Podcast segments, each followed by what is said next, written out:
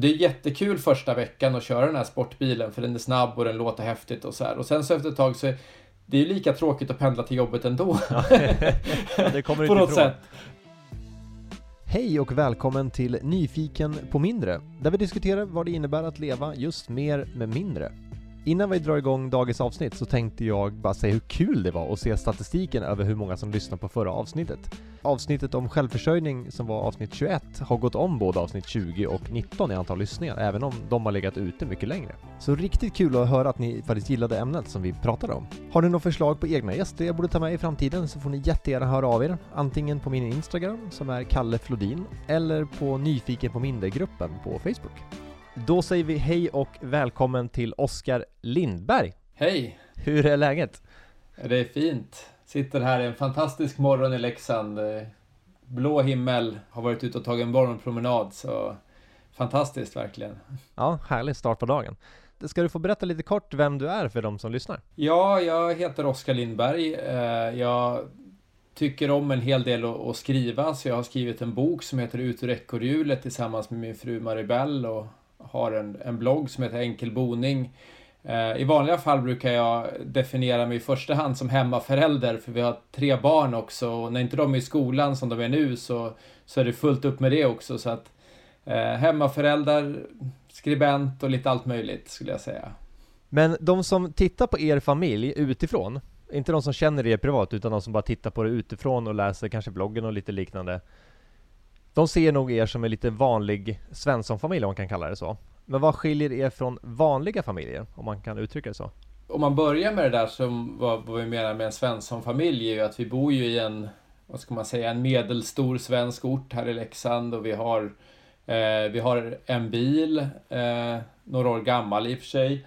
Eh, och vi bor i en, en röd villa.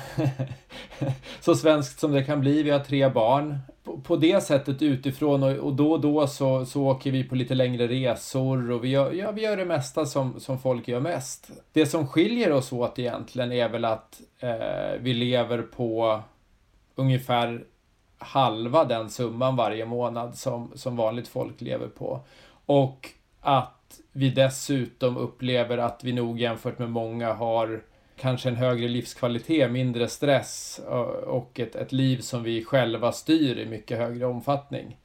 Eh, sen kan man ju gå in på massa sådana här detaljer som att vi jag sa som sagt att vi har en bil. Eh, de allra flesta på en mindre ort så här har ju två bilar.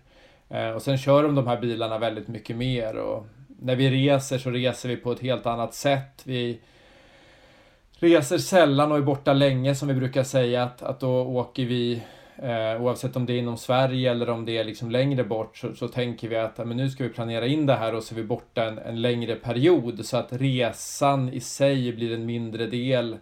Eh, vi spenderar mycket tid i Mexiko till exempel och då hyr vi en lägenhet där och, och, och, och lever mer ett, ett, vanligt liv i Mexiko ett par månader snarare än en, en, en, en kort charterresa och sådär. Så det finns många små saker som vi gör annorlunda. Men det har ju ni som en liten tagline på ert liv, det här med bättre liv till halva priset. Hur får ni det att gå ihop då? Vad är liksom hemligheten bakom det? Till viss del, jag skulle säga att den, den absolut viktigaste anledningen skulle jag säga, det är ju att, att vi, eh, det som jag brukar kalla att vi lever lokalt.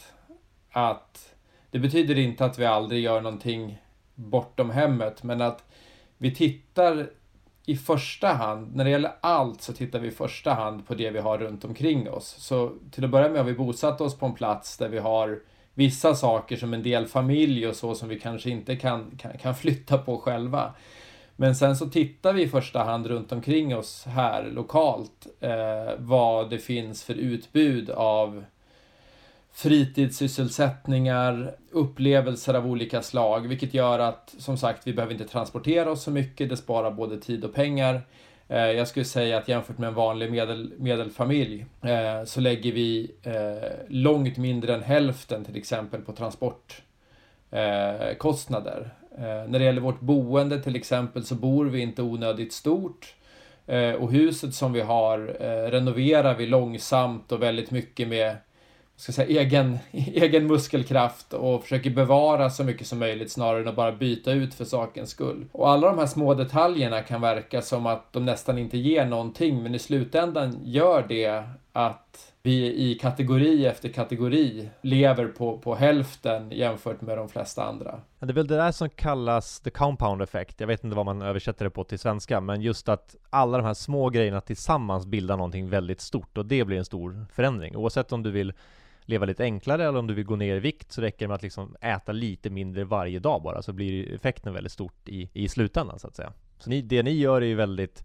som sagt, inga jättedrastiska åtgärder hela tiden utan snarare små grejer lite då och då. Ja, vi tror också att, att det är det som har, har varit eh, hemligheten, att vi liksom har, har skruvat och vi har ju också gjort sådana här i boken pratar vi om någonting som heter experiment med frivilliga begränsningar.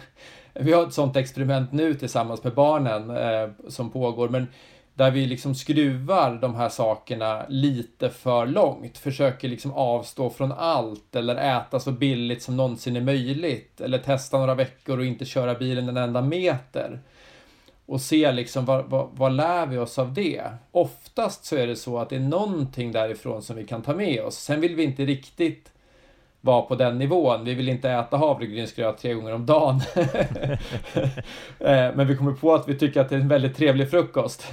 Ja, men det är det som är nyttigt med sådana experiment, att man behöver inte liksom ändra allting efter det experimentet. Man får prova någonting nytt, utsätta sig för någonting som man kanske inte gör i sin vardag. Men vad tycker barnen om det där då? Era experiment? Ja, nu är faktiskt, just nu är det faktiskt första gången som vi riktigt ordentligt inkluderar barnen. Barnen har ju levt under den tiden som vi har gjort den här omställningen, men de har varit små och i många fall tror jag inte ens de har förstått att vi gör ett experiment. Eh, för att det har inte påverkat dem sådär jättemycket. Fast just nu har vi, har vi bestämt oss för att gemensamt med dem ta någonting som de förstår. Det är ju en, liksom en, en matbudget vi äter varje dag och vad kostar de olika sakerna som vi äter och hur handlar vi och hur lagar vi maten och så vidare. Och så har vi sagt att vi begränsar också till 14 dagar nu så det blir en tidsrymd som, som passar barnen. Och så får de vara med och titta på, okej okay, vad köper vi, vad kostar det? Och så är utmaningen är den att kan vi ligga under vår vanliga budget så får vi ju pengar över som vi kommer göra någonting. Så det här handlar inte om att spara pengar egentligen, utan det är någonting vi kommer göra någonting tillsammans med. Men mer att de ska förstå att det blir liksom intressant för dem att förstå hur, hur det hänger ihop. Har de satt några egna mål av till vad de vill spara till? Ja, de har blivit faktiskt ganska duktiga på det tycker jag på senare år. Man, man märker mognadsgraden. Den äldsta är ju snart 12 och den yngsta fyller snart 7, så det är, de är ju på olika nivå. Men, men den äldsta killen, han har blivit, börjat bli ganska duktig på att liksom tänka att han sätter upp mål och att han hittar olika sätt och kanske liksom tjänar lite pengar eller om man vill köpa en ny grej kanske man kan sälja den gamla man har för att ersätta med den nya grejen och sådär. Så, eh, där, där, märker man att de sakta men säkert börjar tänka i, i de termerna och sen så kan ju vi på olika sätt göra det lite roligare eller hjälpa till om vi ser att de gör sin del eller att de verkligen vill, ja men då kan vi tilldela dem kanske någon arbetsuppgift som de kan få lite betalt eller hjälpa dem med lite pengar för att få till det sista. Men just att man ser att de själva förstår, det tycker vi är, är, är jättebra. Sen är det där någonting som vi fortfarande för egen del experimenterar med. Men jag såg att Marbella upp någon eh, bild på Instagram häromdagen när de hjälpte till att bära in veden och hade an, anlitat någon typ av minikonsult av ett annat barn vad jag förstår det som. Ja, de hade en kompis här. Eh, eh, de hade fått i uppdrag att bära in veden och sen så tog en av, av killarna med sig en kompis hem som, som, som de sen kom på något sätt överens om att han skulle få en liten del av betalningen. Typ 10% av det som de fick, fick han. Men han gjorde väl, han gjorde väl sin beskärda del så. Men du kallar dig själv, som du sa, det här med hemmaförälder. När man ofta frågar sig vad gör du då? Då presenterar ju alltid folk sig som sitt jobb. Men ni har ju inte mer ett traditionellt jobb, utan som du säger, vad är, liksom, vad är hemmaförälder för er då? Vad innebär det? Ja, egentligen så har det handlat om för oss att definiera att det är ändå hemmet och det, det, det är ändå ganska få år som barnen är så små så att de behöver en eh, så mycket. Eh, så för oss har det handlat väldigt mycket mer om att, att definiera både för sig själv och andra att just nu är det det som är huvuduppgiften. Eh, jag tror ju väldigt mycket på, eh, också någonting som vi skriver om i boken, att det är svårt att ha flera parallella prioriteringar. Utan man behöver en prioritet. Och då är det så att när, när någonting dyker upp, vi har massa saker som är jätteroliga att hoppa på och sådär, då får det ändå vägas mot det.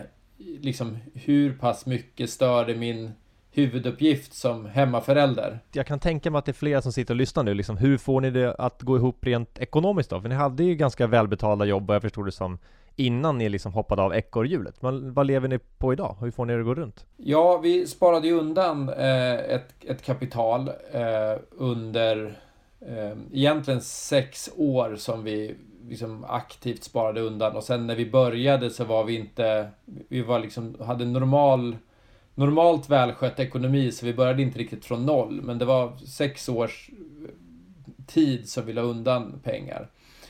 Och då la vi egentligen undan på tre olika sätt. Det ena var att vi betalade av vårt hus nästan helt. Vi har ett litet lån på det. På huset så har vi en hyresintäkt. Eh, så det betyder att vi, vi, vi bor väldigt billigt egentligen om man drar bort hyresintäkten från vårt, vårt boende. Sen så satte vi undan eh, pengar i en fond. när jag säger fond så menar jag inte en, en, en aktiefond utan en, en, en, summa pengar som vi har både på konto och i aktier. Som är tillgängligt just nu. Eh, och sen hade vi också under den här perioden möjlighet att sätta undan mycket extra pengar in till pension. Så vi har också en, en summa pengar som fast som är inlåsta till mer traditionell pensionsålder. Så det är liksom tre eh, byttor. Men just nu så är det det här kapitalet som vi har tillgängligt.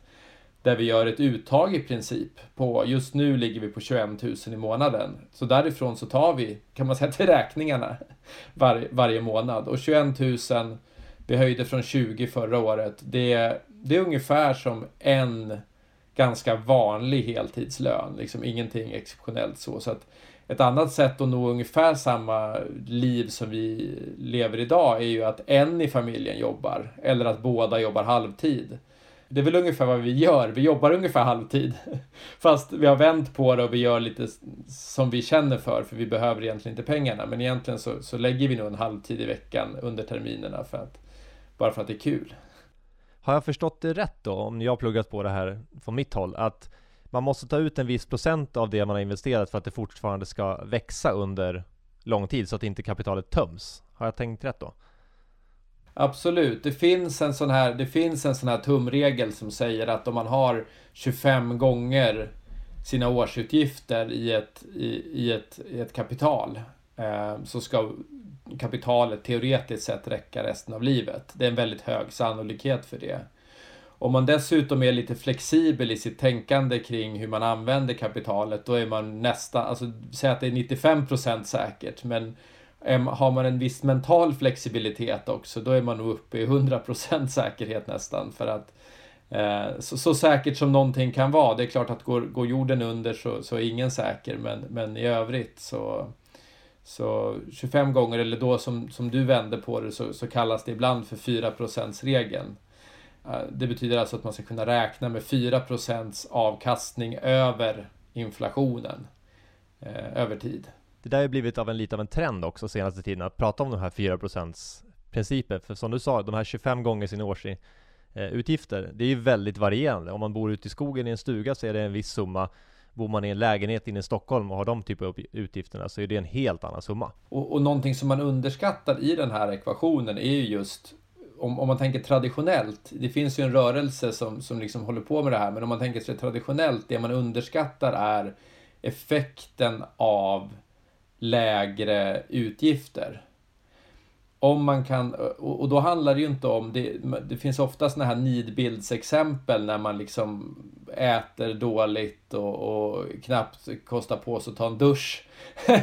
Kanske liksom, men, men, men eh, eh om, om man kan bygga in en hög livskvalitet i livet genom att vara lite smartare och därmed leva på hälften. Och då måste man ju spara ihop ett hälften så stort kapital. Och det är också så att det är mycket lättare att spara ihop kapitalet om man kan leva på hälften, så att säga. Så, att, så utgiftsnivån har nog i liksom traditionella, vad ska man säga, pensionsberäkningar och så, de underskattar utgiftssidan och det handlar bara om att försöka matcha en viss inkomstnivå som anses vara liksom normal eller gärna lite över normal. Det borde ju du också ha jättegoda exempel på från stugan som säger att du lever på mycket mindre än, än, än du, du gjorde tidigare. Men kanske ändå känner liksom en viss, viss frihet i livsstilen. Ja, men det är den största förändringen tror jag. Jag gör ju av med ungefär lika mycket pengar, alltså rent eh, köpmässigt som jag gjorde innan. Men utgifterna som är till vardagen, som är liksom allt från el eller vatten eller ja, så här vardagsgrejer som du snackar om, och att leva lokalt och odla lite själv. De grejerna har ju dragits ner rejält. Så min budget ligger ju ungefär på strax över 5000 i, i månaden. Lite mer än det, helt beroende på vad som händer såklart.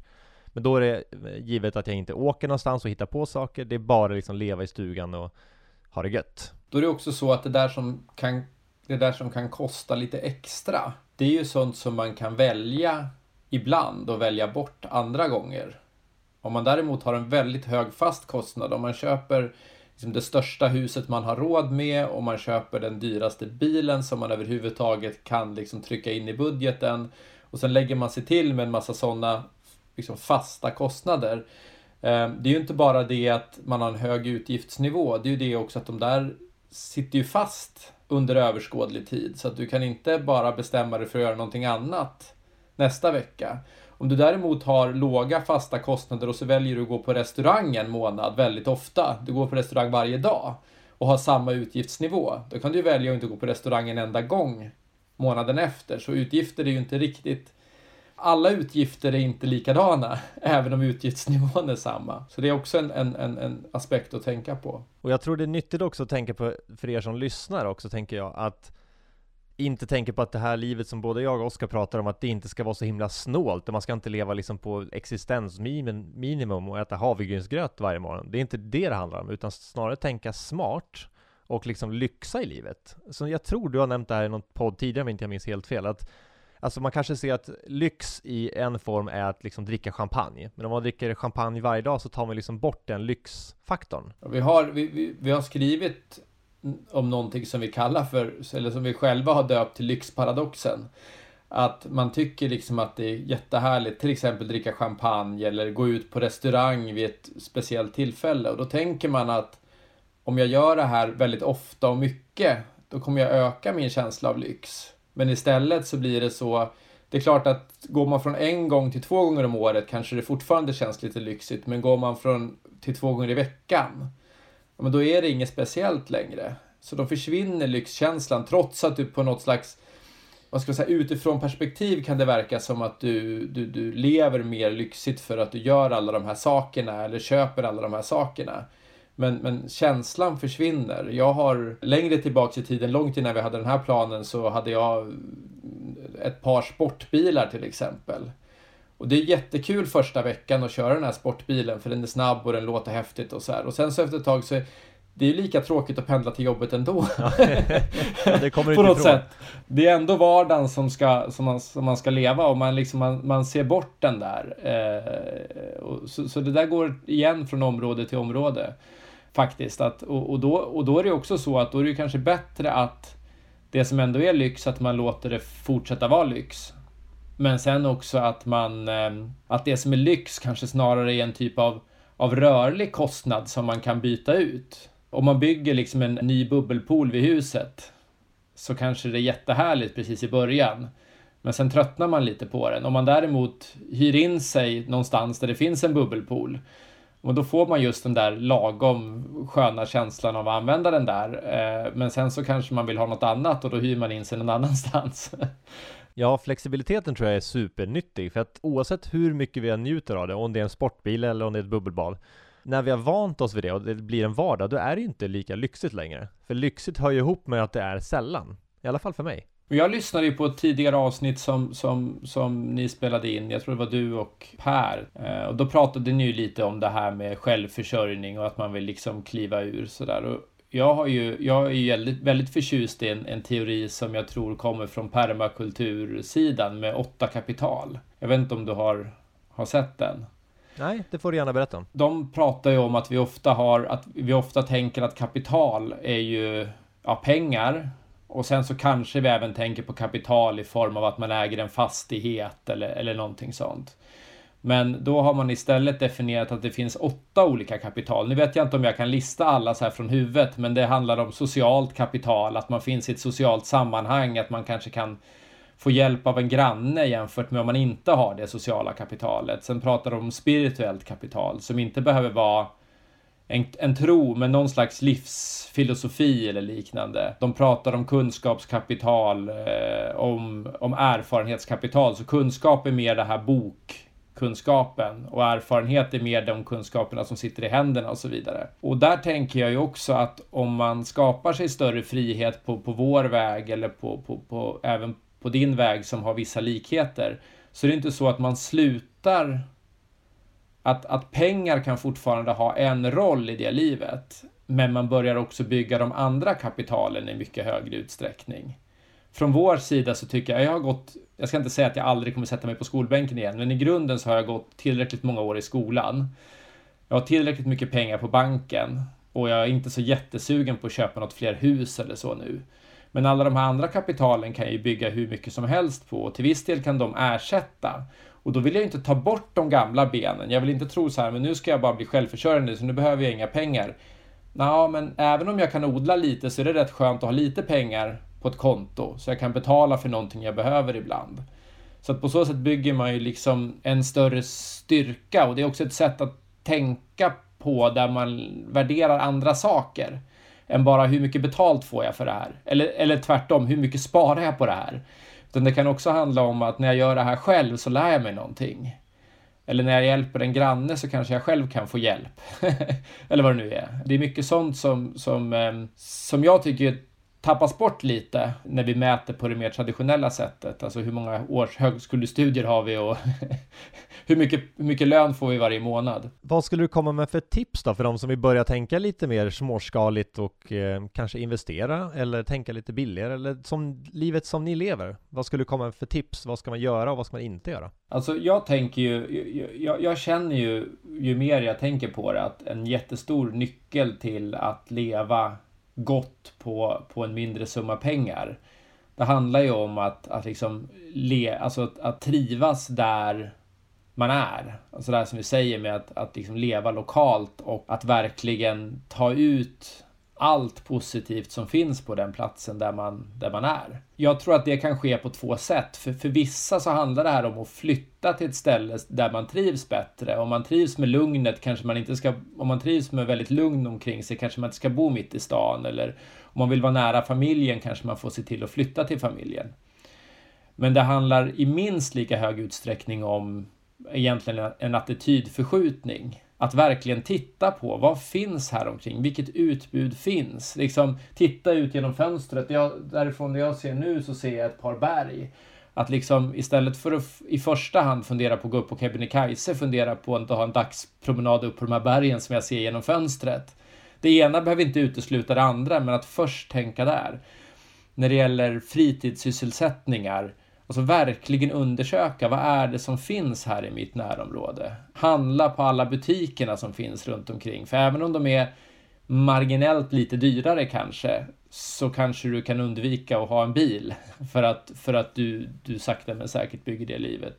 Ha en långsiktig ambition att inte pendla till jobbet. Det kanske inte är möjligt nu, men, men låt det aldrig bli liksom en, en eh, någonting som du bygger in med en kostnad och så vidare. Sen tror jag också väldigt mycket i vårat liv, mer och mer, och det tror jag vi skulle ha kunnat göra ännu mer redan när vi jobbade, det är ju att integrera saker. Som att inte addera så här, nu ska jag träna som en separat produkt. Utan istället så här, hur får jag fysisk aktivitet i vardagen? Kan jag gå och cykla till jobbet? kan jag hugga ved? Vad sjutton kan jag göra liksom? Hur kan jag, hur kan jag bygga in det här i min vardag? Snarare än att liksom addera saker så utanpå det är också en sak som, som där man vinner liksom i, i, i flera led. Den här, jag kommer inte ihåg vad du kallar det, men det är någon form av kumulativ effekt. Där man kanske byter jobb så att man kommer lite närmare, men så cyklar man istället. Eh, då har man klarat av liksom den dagens fysiska aktivitet också, så då har man sparat ytterligare en timme, så behöver man inte betala för bilen. Ja, men bilen kostade en timmes arbete om dagen bara för att betala för bilen. Och så bakvägen så, så, så har man helt plötsligt på något sätt liksom sparat tre timmar eller en himla massa pengar den vägen. Ja, och slippa frustrationen att sitta i en bilkö det första du gör på morgonen också. Alltså liksom välja hur du startar dagen. Att jag väljer att starta dagen utan att sätta en alarmklocka till exempel. Det är liksom en supervardagslyx för mig, att jag kan vakna när jag känner mig redo, så att säga. Eller som du var inne på det här med att Förut hade jag, när jag bodde i Stockholm så hade jag ett gymkort Men jag är bra mycket mer tränare idag skulle jag säga än vad jag någonsin har varit förut och jag har inget gymkort här ute. Men däremot så går jag ut flera timmar om dagen, vi hugger massa ved, vi bara lyfter och målar och fixar och får in det i vardagen. Får liksom ett mer naturligt liv, inte mer normalt liv, men ett mer naturligt liv. Jag tror att det är ganska naturligt och jag, jag försöker undvika att liksom skälla på, på, på, på marknaden på det sättet därför att jag tycker att marknaden gör det som marknaden ska. Men vi som individer måste förstå vad marknaden försöker med och vad marknaden vill är ju att produktifiera saker. Att liksom träning blir en produkt, inte bara en fysisk aktivitet som kan vara integrerad i livet, utan det blir liksom en separat produkt som ska göras på ett gym eller med, med en PT eller liknande, vilket kan ha en, en roll. Men det är inte liksom det enda sättet. Eh, och, och, väldigt mycket sådana saker blir liksom produk produktifierade. Eh, bra mat blir liksom produkten hälsokost. Ett bra liv blir produkten liksom livscoach. eh, och så vidare. Och det är inte alltid så nödvändigt. Och i den mån att man tar in en produkt eller en tjänst under en period så ska det vara för att man sen ska kunna integrera det i sig själv. Eh, inte att man ska fortsätta att behöva ha liksom en extern hjälp. Sen skulle jag ju vilja ge tipset med de här frivilliga begränsningarna. Det behöver inte vara så himla allvarligt, men att, att experimentera, dra in på saker och, och, och tänk liksom vilket tidsperspektiv som är rimligt. Om det gäller ett experiment med mat, då kanske en månad räcker. För då hinner man se hur, hur det skiftar över månaden och vad man handlar och vad det kostar och sådär. Om det handlar om att till exempel lägga mindre pengar på kläder, då kanske det snarare är rimligt att ta liksom ett halvår eller ett år och försöka införa någon form av köpstopp. För kläder tar ett tag liksom att, att, att cirkulera och helt plötsligt upptäcker man vad man har hemma och så upptäcker man att fast exakt en sån där tröja eller ett sån där par skor, det skulle jag faktiskt behöva och de kanske man köper på slutet det som driver livsstilsförändringar framåt behöver inte vara att jag idag tar ett beslut att så här ska jag leva resten av livet, utan jag kan göra det som ett experiment i tre månader och se vad jag lär mig, eller i en månad och se vad jag lär mig. Då är det mycket lättare och det är mycket lättare att driva det längre. och, och lär man, när man driver det längre så lär man sig mer och sen kan man ta tillbaks det som man faktiskt uppriktigt saknar. Ja, men vad säger man, det här gamla uttrycket plocka russinen ur kakan, liksom ta det bästa av det som man faktiskt lärde sig av experimentet. Men det här vore en väldigt kul grej tycker jag att slänga ut till Facebookgruppen som vi har som heter Nyfiken på mindre också. Att har ni testat några experiment, du som lyssnar? Eller har någon idé om något experiment, någon kanske rolig idé som vi andra kan testa? Det vore faktiskt riktigt kul att höra. Du kanske kan också skriva där Oskar, om du har något roligt som vi skulle kunna utmana andra i också. Absolut, det finns och det finns en lång lista. Jag kan, jag kan ta några, en, en, några grejer därifrån som finns i boken som har varit några. De, de flesta av dem har vi testat. Så då kan jag också dela med mig av någon liten erfarenhet. ja, men det är perfekt. Har du något sista du skulle vilja tillägga innan vi rundar av? Någonting du vill rekommendera kanske? Man ska inte vara rädd att, ta sig an det här och man ska komma, över, man ska, man ska komma ihåg också tycker jag att, att ekonomi kan lätt bli tråkigt. Jag tror många har dåliga erfarenheter om att det handlar om liksom begränsningar och jag har inte råd, att det är det liksom som ska driva. Men att man ska snarare tänka att genom att ta tag i, i den här ekonomin i som jag tycker i sin grund, grundbetydelse, alltså hushållning med begränsade resurser, så är det jag som berättar för, för mina pengar var de ska, vad som är min prioritet. Det är inte liksom pengarna som berättar för mig. När jag bara, när jag bara får in pengar och så försvinner de ut, ja, men då blir det på något sätt så här att i slutet av månaden så är det slut och då, då blir inte det av som skulle ha blivit av den sista veckan oavsett vad det var, om det var viktigt eller inte. Istället så säger jag att det här vill jag lägga på eh, och det här vill jag inte lägga på så att man liksom sätter sig i förarsätet. För oavsett, vi har olika förutsättningar. Just nu har folk drabbats av en massa saker under den här. Men oavsett vilka förutsättningar vi har så är det ingen, ingen som kan påverka ditt liv mer än du själv. du, du är liksom den största och man, man får liksom sätta sig i förarsätet och göra så gott man kan med de förutsättningar man har fått. Det tycker jag är jättebra och framförallt som vi har varit inne på det förra avsnittet, jag och Per lite grann också, att ta hjälp av andra. Alltså fråga, liksom lär, lär er av varandra, dra nytta av andra bloggar, läst böcker, ja, dra åt er kunskap liksom. För att, som du säger, att sätta sig i en aktiv roll, det är väl typ det viktigaste man kan göra. Att tänka på att inse vad jag inte kan påverka. Till exempel nu så kan vi inte påverka covid-19 och, och, och allting som sker eller restriktionerna i samhället. De får vi på något sätt leva med, oavsett om vi tycker att de är för strikta eller för slappa. Eh, det är ingenting vi kan påverka. Däremot kan vi påverka hur vi hanterar en sån situation och det gäller liksom hela livet. Att, att identifiera att de här faktorerna kan jag faktiskt inte göra någonting åt. Lägg ingen tid på dem. De här tre faktorerna kan jag göra någonting åt. Alltså då ska jag spendera åtminstone 90 procent av min energi där. Sen kan jag kanske ta, ta de där tio och vara lite sur på någon politiker eller något. Men Men se till att 90 procent går till det som vi faktiskt kan påverka. Ja, men jag har en exakt en sån sägning i min föreläsning också, att så här, det du fokuserar på växer. Och om du lägger energin på det som du vill ska växa, ja, då kommer det växa, oavsett om det är ekonomi eller levnadssätt eller romantik eller jobb eller vad det nu är. Sen har vi, vi har en lång lista på, vår, på, på vår blogg där vi har skrivit som, som heter Mer om frihet. Eh, och där finns det en lång lista på de böcker och, och poddar, bland annat den här podden, eh, som vi tycker är bäst inspiration på det här ämnet i någon vidare bemärkelse. Så där kan man ju också titta in på, på enkel boning och mer om frihet, för då har man ju liksom det som vi har sammanställt under kanske tio år nu som vi har hållit på med det här kring vad vi tycker ger mest till att börja med. Men jag lägger en länk till det i, i appen här som ni kan klicka på direkt och även i Nyfiken på minnegruppen så kan ni klicka vidare där också om ni känner er nyfikna, vilket jag vet att ni är eftersom ni lyssnar på podden. Och nyfikna som ni är så vill ni säkert att den här podden ska fortsätta. Men då behöver jag faktiskt lite hjälp från dig som lyssnar. Och det kan du göra på två olika sätt. Antingen så kan du gå med i min medlemssida på Patreon och stötta mig där så jag har utrymme att göra de här produktionerna. Och om du inte vet vad Patreon är för någonting, eller vill veta mer helt enkelt, så kan du bara klicka dig vidare på länken som jag lagt i beskrivningen till det här avsnittet så kan du läsa mer där. Annars är det patreon.com kalleflodin. Och om du inte har råd med det så är det helt okej. Okay. Men då finns det ett annat sätt att stötta på. Det är att skicka den här podden till någon du tror kommer uppskatta den. Det vill säga sprida ordet. Det skulle hjälpa mig enormt mycket. Alltså mer än vad ni någonsin kan ana faktiskt. Men då säger vi tack så jättemycket för att du var med Oskar Lindberg. Ja, tack så mycket. Kul att vara med.